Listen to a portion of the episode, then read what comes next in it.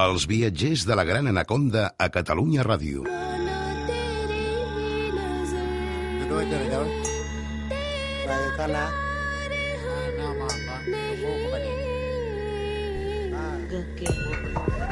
Please hear my anguish words of truth.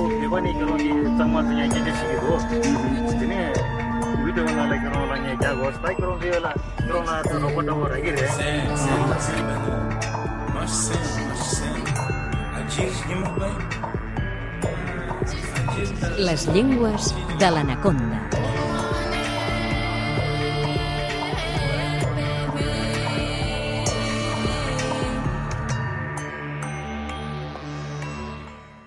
David Valls, benvingut, com estàs? Moltes gràcies, estic bé, estic bé. Imagina't, imagina't que tenim el mapa de Rússia i Sí. llavors de sobte ens hi anem acostant, ens hi anem acostant i allò que en principi semblava tot uniforme, no? De sobte descobrim la República d'Urmúrtia. Sí.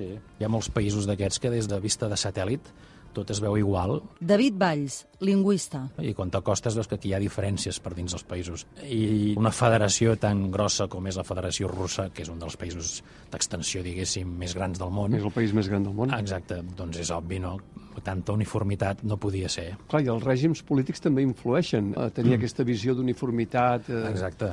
Llavors és una federació, com el seu nom indica, i una federació està composta doncs, de petites entitats, no? De federacions, sí. De federacions, de petites entitats, o no tan petites algunes, eh, de fet, d'extensió geogràfica, autònomes o semi-independents, en aquest cas, ara tampoc sé massa quina autonomia tenen aquestes Quin entitats. d'autonomia? Però bé, és clar, allà dins hi ha aquestes federacions que tenen autonomia i, a més a més, en molts casos, o majoria de casos, aquestes federacions corresponen a entitats polítiques i culturals diferenciades del que seria el corrent principal, no? que seria eh, el rus, no? de, de, dels russos, dels russòfons, dels eslaus, per entendre'ns. Eh? Vaja, que s'hi parlen moltes llengües. Clar, aquest seria el cas de la República d'Udmúrtia, o això mateix. d'Udmurt. Ah, això mateix, que la seva capital és Izepsk, no? Izepsk. O Izhepsk, no sé com s'hauria de dir això, no?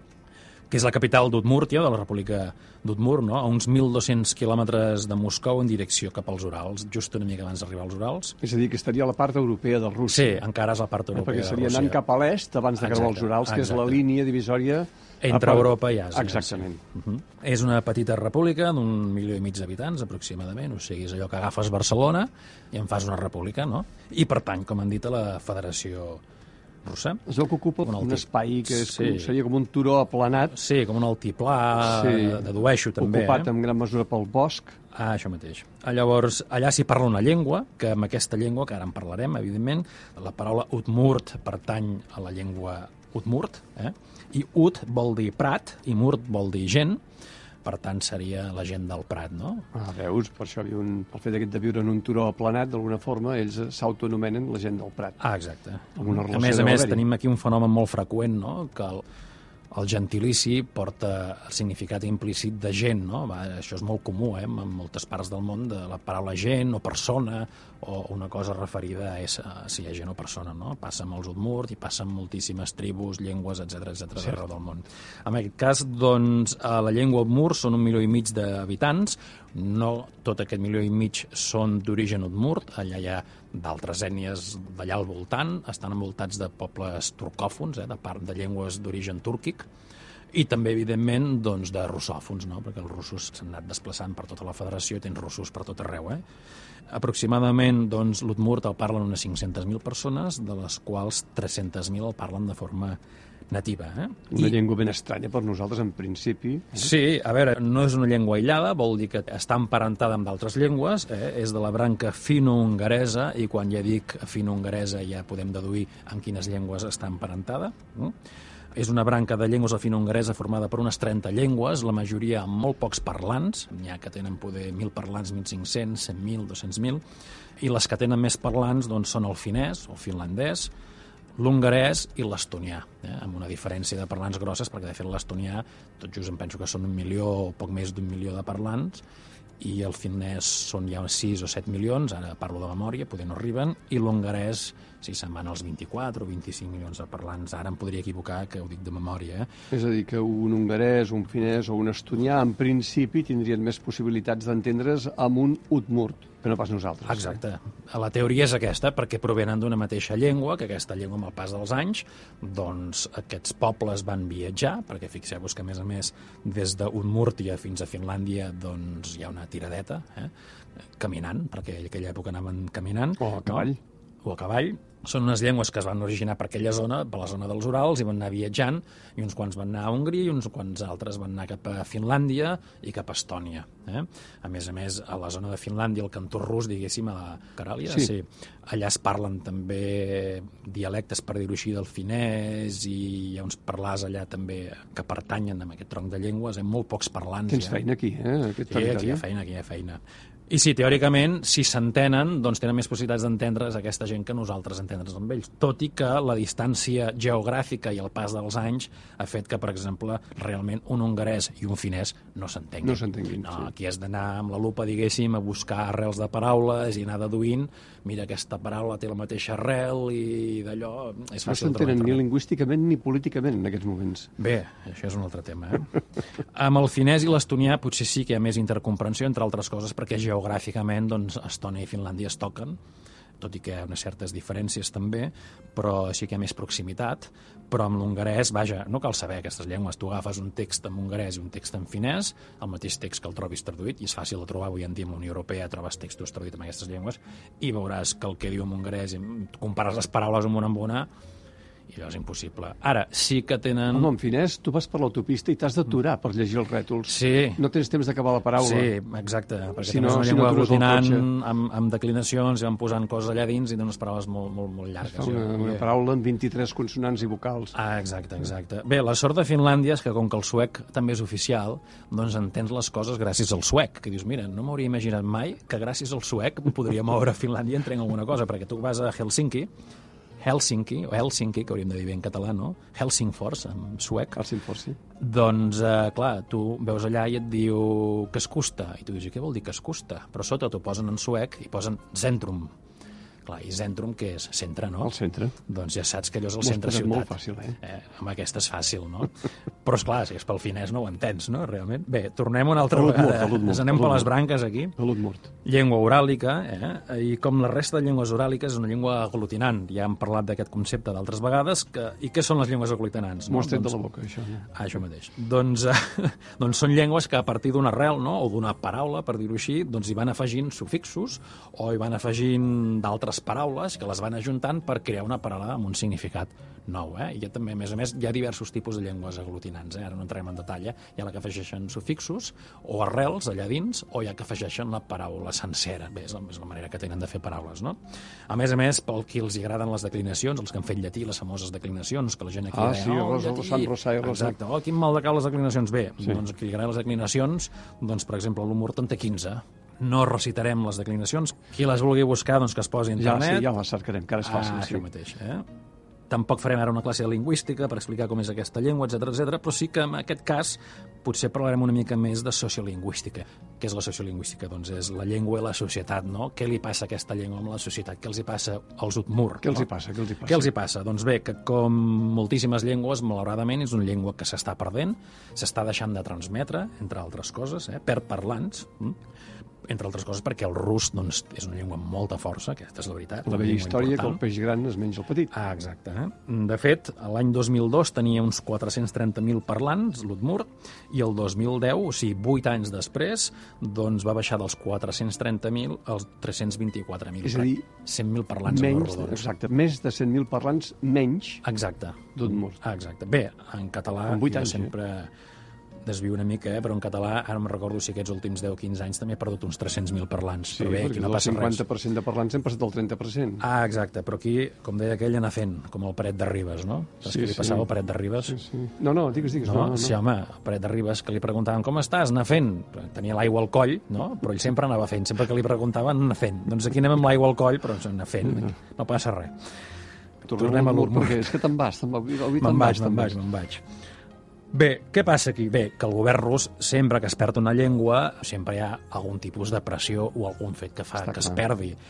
Pot ser un fenomen natural, s'ha donat algun cas, algun fenomen natural. En una illa va haver-hi una explosió d'un volcà i un terratrèmol, no sé què va passar, aquella gent van desaparèixer tots i aquella llengua va desaparèixer. Bé, en aquest cas va ser un fenomen natural, però gairebé sempre, o diguem ja, traiem el gairebé, diguem sempre, les llengües desapareixen per pressions externes de qualsevol tipus, ja siguin pressions militars, exterminis, genocidis, pressió econòmica, escola, digui el que vulguis. En aquest cas, doncs, el govern rus, que no és un govern lliure de pecat, no, en aquest aspecte ni en d'altres, doncs té com una fixació en contra de les llengües no pròpies que també hi ha en tota la Federació Russa i diferents del rus, evidentment. No? Que fàcil que és dir-li a l'altre que parli la teva llengua. Exacte. Val? De moment, o fins no fa gaire, la majoria d'aquestes llengües, l'udmurt i tantes altres llengües que es parlen per allà, no? doncs s'ensenyaven a les escoles, llengües oficials en aquestes repúbliques, eh? Però van fer una nova llei des de Moscou, eh? A Aquesta 1.200 llei- quilòmetres. Sí. Exacte. Doncs que aquesta llei, entre altres coses, diu que aquestes llengües han de deixar de ser obligatòries a l'ensenyament i també Això han de deixar... sona, de... sona. Et sona una mica, sí. Mm. Però també han de deixar de ser obligatòries en els llocs públics, no?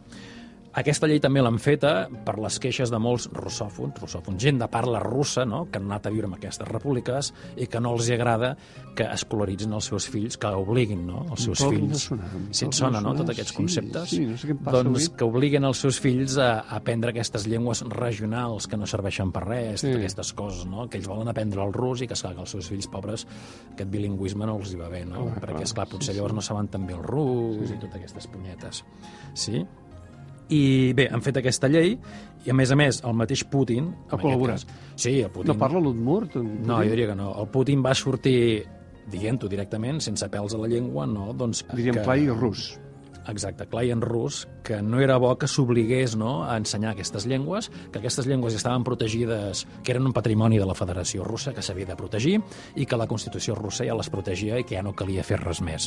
Però que no havien de ser obligatòries i que l'ensenyament havia de ser en rus perquè és la llengua que els agermana a tots. És que aquest discurs, no sé ara de què em sona a mi tot això, sí, eh? sí, sí, sí. No sé, no sé, no sé, eh? Sí, En qualsevol cas, doncs... Hi ha alguna mena de coercions eh, de No sé, als, no sé, als no sé, no sé. udmurtians? No ho sé, el cas és que el bilingüisme pels russòfons els és dolent, mm? els que parlen rus els és dolent, bilingüisme amb aquestes per llengües. tots els imperis els és dolent el bilingüisme, clar, no? El bilingüisme és dolent pels russos que hagin d'aprendre l'udmur, per exemple, no és dolent pels russos que han d'aprendre l'anglès, perquè és el que el bilingüisme amb anglès no és dolent, oi? Pels udmurs tampoc els hi és dolent el bilingüisme, eh? ells que aprenguin rus no els hi passa res, no? però sempre que per les llengües petites, minoritàries i minoritzades, doncs es veu que aprendre aquestes llengües és dolent. No? I no hi ha hagut resistència d'aquesta sí, hi ha croada hagut russa? resistència. Allà hi ha un grup d'activistes bastant potents. Eh? Per exemple, l'any 2019 hi ha un, un senyor que es deia Albert també ho pronunciarem a la catalana, Razin, o Razin, no? que amb un grup d'experts locals doncs, van, van fer un manifest, no? una, una lletra oberta al Parlament d'Utmur, no? perquè no donessin suport amb aquesta llei que deixava encara en minorització, encara més minoritzada la llengua Utmur, no? conforme doncs, deixava de ser obligatòria, tot això que vam de dir, no? i va signar aquesta carta. Eh? Aquest senyor, a més a més, és, un és doctor en filosofia, una persona instruïda. Eh? I què va fer aquest senyor? Doncs se'n va anar davant del Parlament Udmurt amb una pancarta que deia si la meva llengua es mor demà, llavors estic preparat per morir avui. I portava una altra pancarta que deia tinc una pàtria? Ho preguntava, tinc una pàtria? I què va fer? Es va ruixar amb gasolina i es va calar foc, es va immolar. Sí, i es va morir de les cremades. Potser va portar l'honestedat i el patriotisme excessivament al límit, potser. Clar, si es tracta de salvar la llengua i que la llengua tingui parlants, doncs... Clar, al capdavall, la seva mort implica un parlant menys d'un mur. Un parlant menys, una persona compromesa, a més a més, Amb la llengua, Amb la llengua. Clar, hi ha una persona gran, però això no vol dir res, encara tenia... No sé Havia si perdut l'esperança, potser. Sí, 74, 75 anys tenia. Sí, havia perdut No, no l'esperança. deia pas per l'edat, eh? No, i Sinó això... per la situació. Exacte, i això n'hem de treure una mica una, hi ha una reflexió que hi ha gent que pateix per la llengua, que té mal de llengua, i n'hem parlat d'aquest programa moltes vegades, hem parlat de gent, si recordes, de Califòrnia, de gent que han deixat, de tribus d'allà, que han deixat de transmetre la llengua, no?, pel dolor que els ha suposat per l'escola, no?, de- de- d'haver de patir Sí, sí, humiliacions, que havien vexacions, de- prohibicions, etc. no? Perquè, a més a més, la pèrdua d'una llengua que és més enllà de la comunicació, això que sempre et diuen, no, les llengües són per comunicar-se. Bé, sí, una de les funcions és comunicar-se, però la llengua també és identitat. La llengua té un arrelament a un territori. Allò que diuen, no, és que les muntanyes no parlen. No, les muntanyes no parlen, però les muntanyes tenen un nom que els hi hem donat nosaltres. El Montseny, Montserrat, això té un significat. Si es perd el català al Montseny, què voldrà dir? Què voldrà dir Montserrat? No? És un exemple ara aquí molt local, no? Per tant, hi ha un lligam al territori, un lligam a la cultura, un lligam amb el teu passat, amb els teus avis, ancestres, etc etc. i quan tot això es perd, doncs es trenca tot aquest equilibri ecològic, ara que està de, de, molt de moda la- l'ecologia i el menjar ecològic, doncs l'ecolingüística, no?, fa referència... Sí, que va molt més enllà una llengua. Clar, es trenca tot aquest equilibri i hi ha gent que pateix per tot això. I hi ha gent que veu que la seva llengua s'acaba i pateixen, perquè és tot el que han viscut a petits, tot això se'n va, no? I per això hi ha pobles que han deixat de transmetre la seva llengua i s'han reclòs a ells mateixos per dir, bé, ens extingim, ho fem en silenci, no volem que els nostres fills pateixin, que aprenguin ja la llengua principal i aquí s'ha acabat tot. De fet, tampoc cal anar gaire lluny, eh? Això No també cal- és el que t'anava a dir. Sí, que no cal anar gaire lluny. Recordar, Mira, a la sí. Catalunya Nord mateix ha estat una decisió molt recent, queden els darrers parlants natius de català, que han decidit, aquesta gent són vius, pot anar a parlar amb ells, que han decidit ja els seus fills no parlar-los en català perquè no passessin per les vexacions que van passar en el sistema educatiu etc etc, les dificultats amb el francès inicials i que els seus fills ja no haguessin de passar per això. Som francesos, hem de parlar francès, això és el que els ha dit l'estat francès, evidentment, i han deixat de transmetre la llengua. Podem anar a València ciutat mateix, on la transmissió s'ha interromput amb el català, etc etc. Però això no es fa tan tranquil·lament. Hi ha gent que ha patit per això. I aquí hi ha gent que pateix, vull dir, només cal llegir els diaris, Twitter i aquests llocs i veus com cada dia hi ha gent que es queixa de dir és que he anat al metge i M'ha m'ha passat això. i m'ha passat això, he anat aquí, no m'han atès, la policia m'han vexat per no Mm. parlar-los en català, etc etc. I són petites coses que van quedant. Està ple d'escrits del segle XIX, del segle XVIII, per no poder utilitzar el català de Catalunya Nord n'és ple d'escrits d'aquest, de gent que es queixava, eh? que deien que el català, el català, el català, però no sé, parlàvem de l'humor avui, oi? Sí, parlàvem de l'Utmurt. David Valls, Molt bé. moltes gràcies. Fins Vinga, aviat. a tu, fins aviat.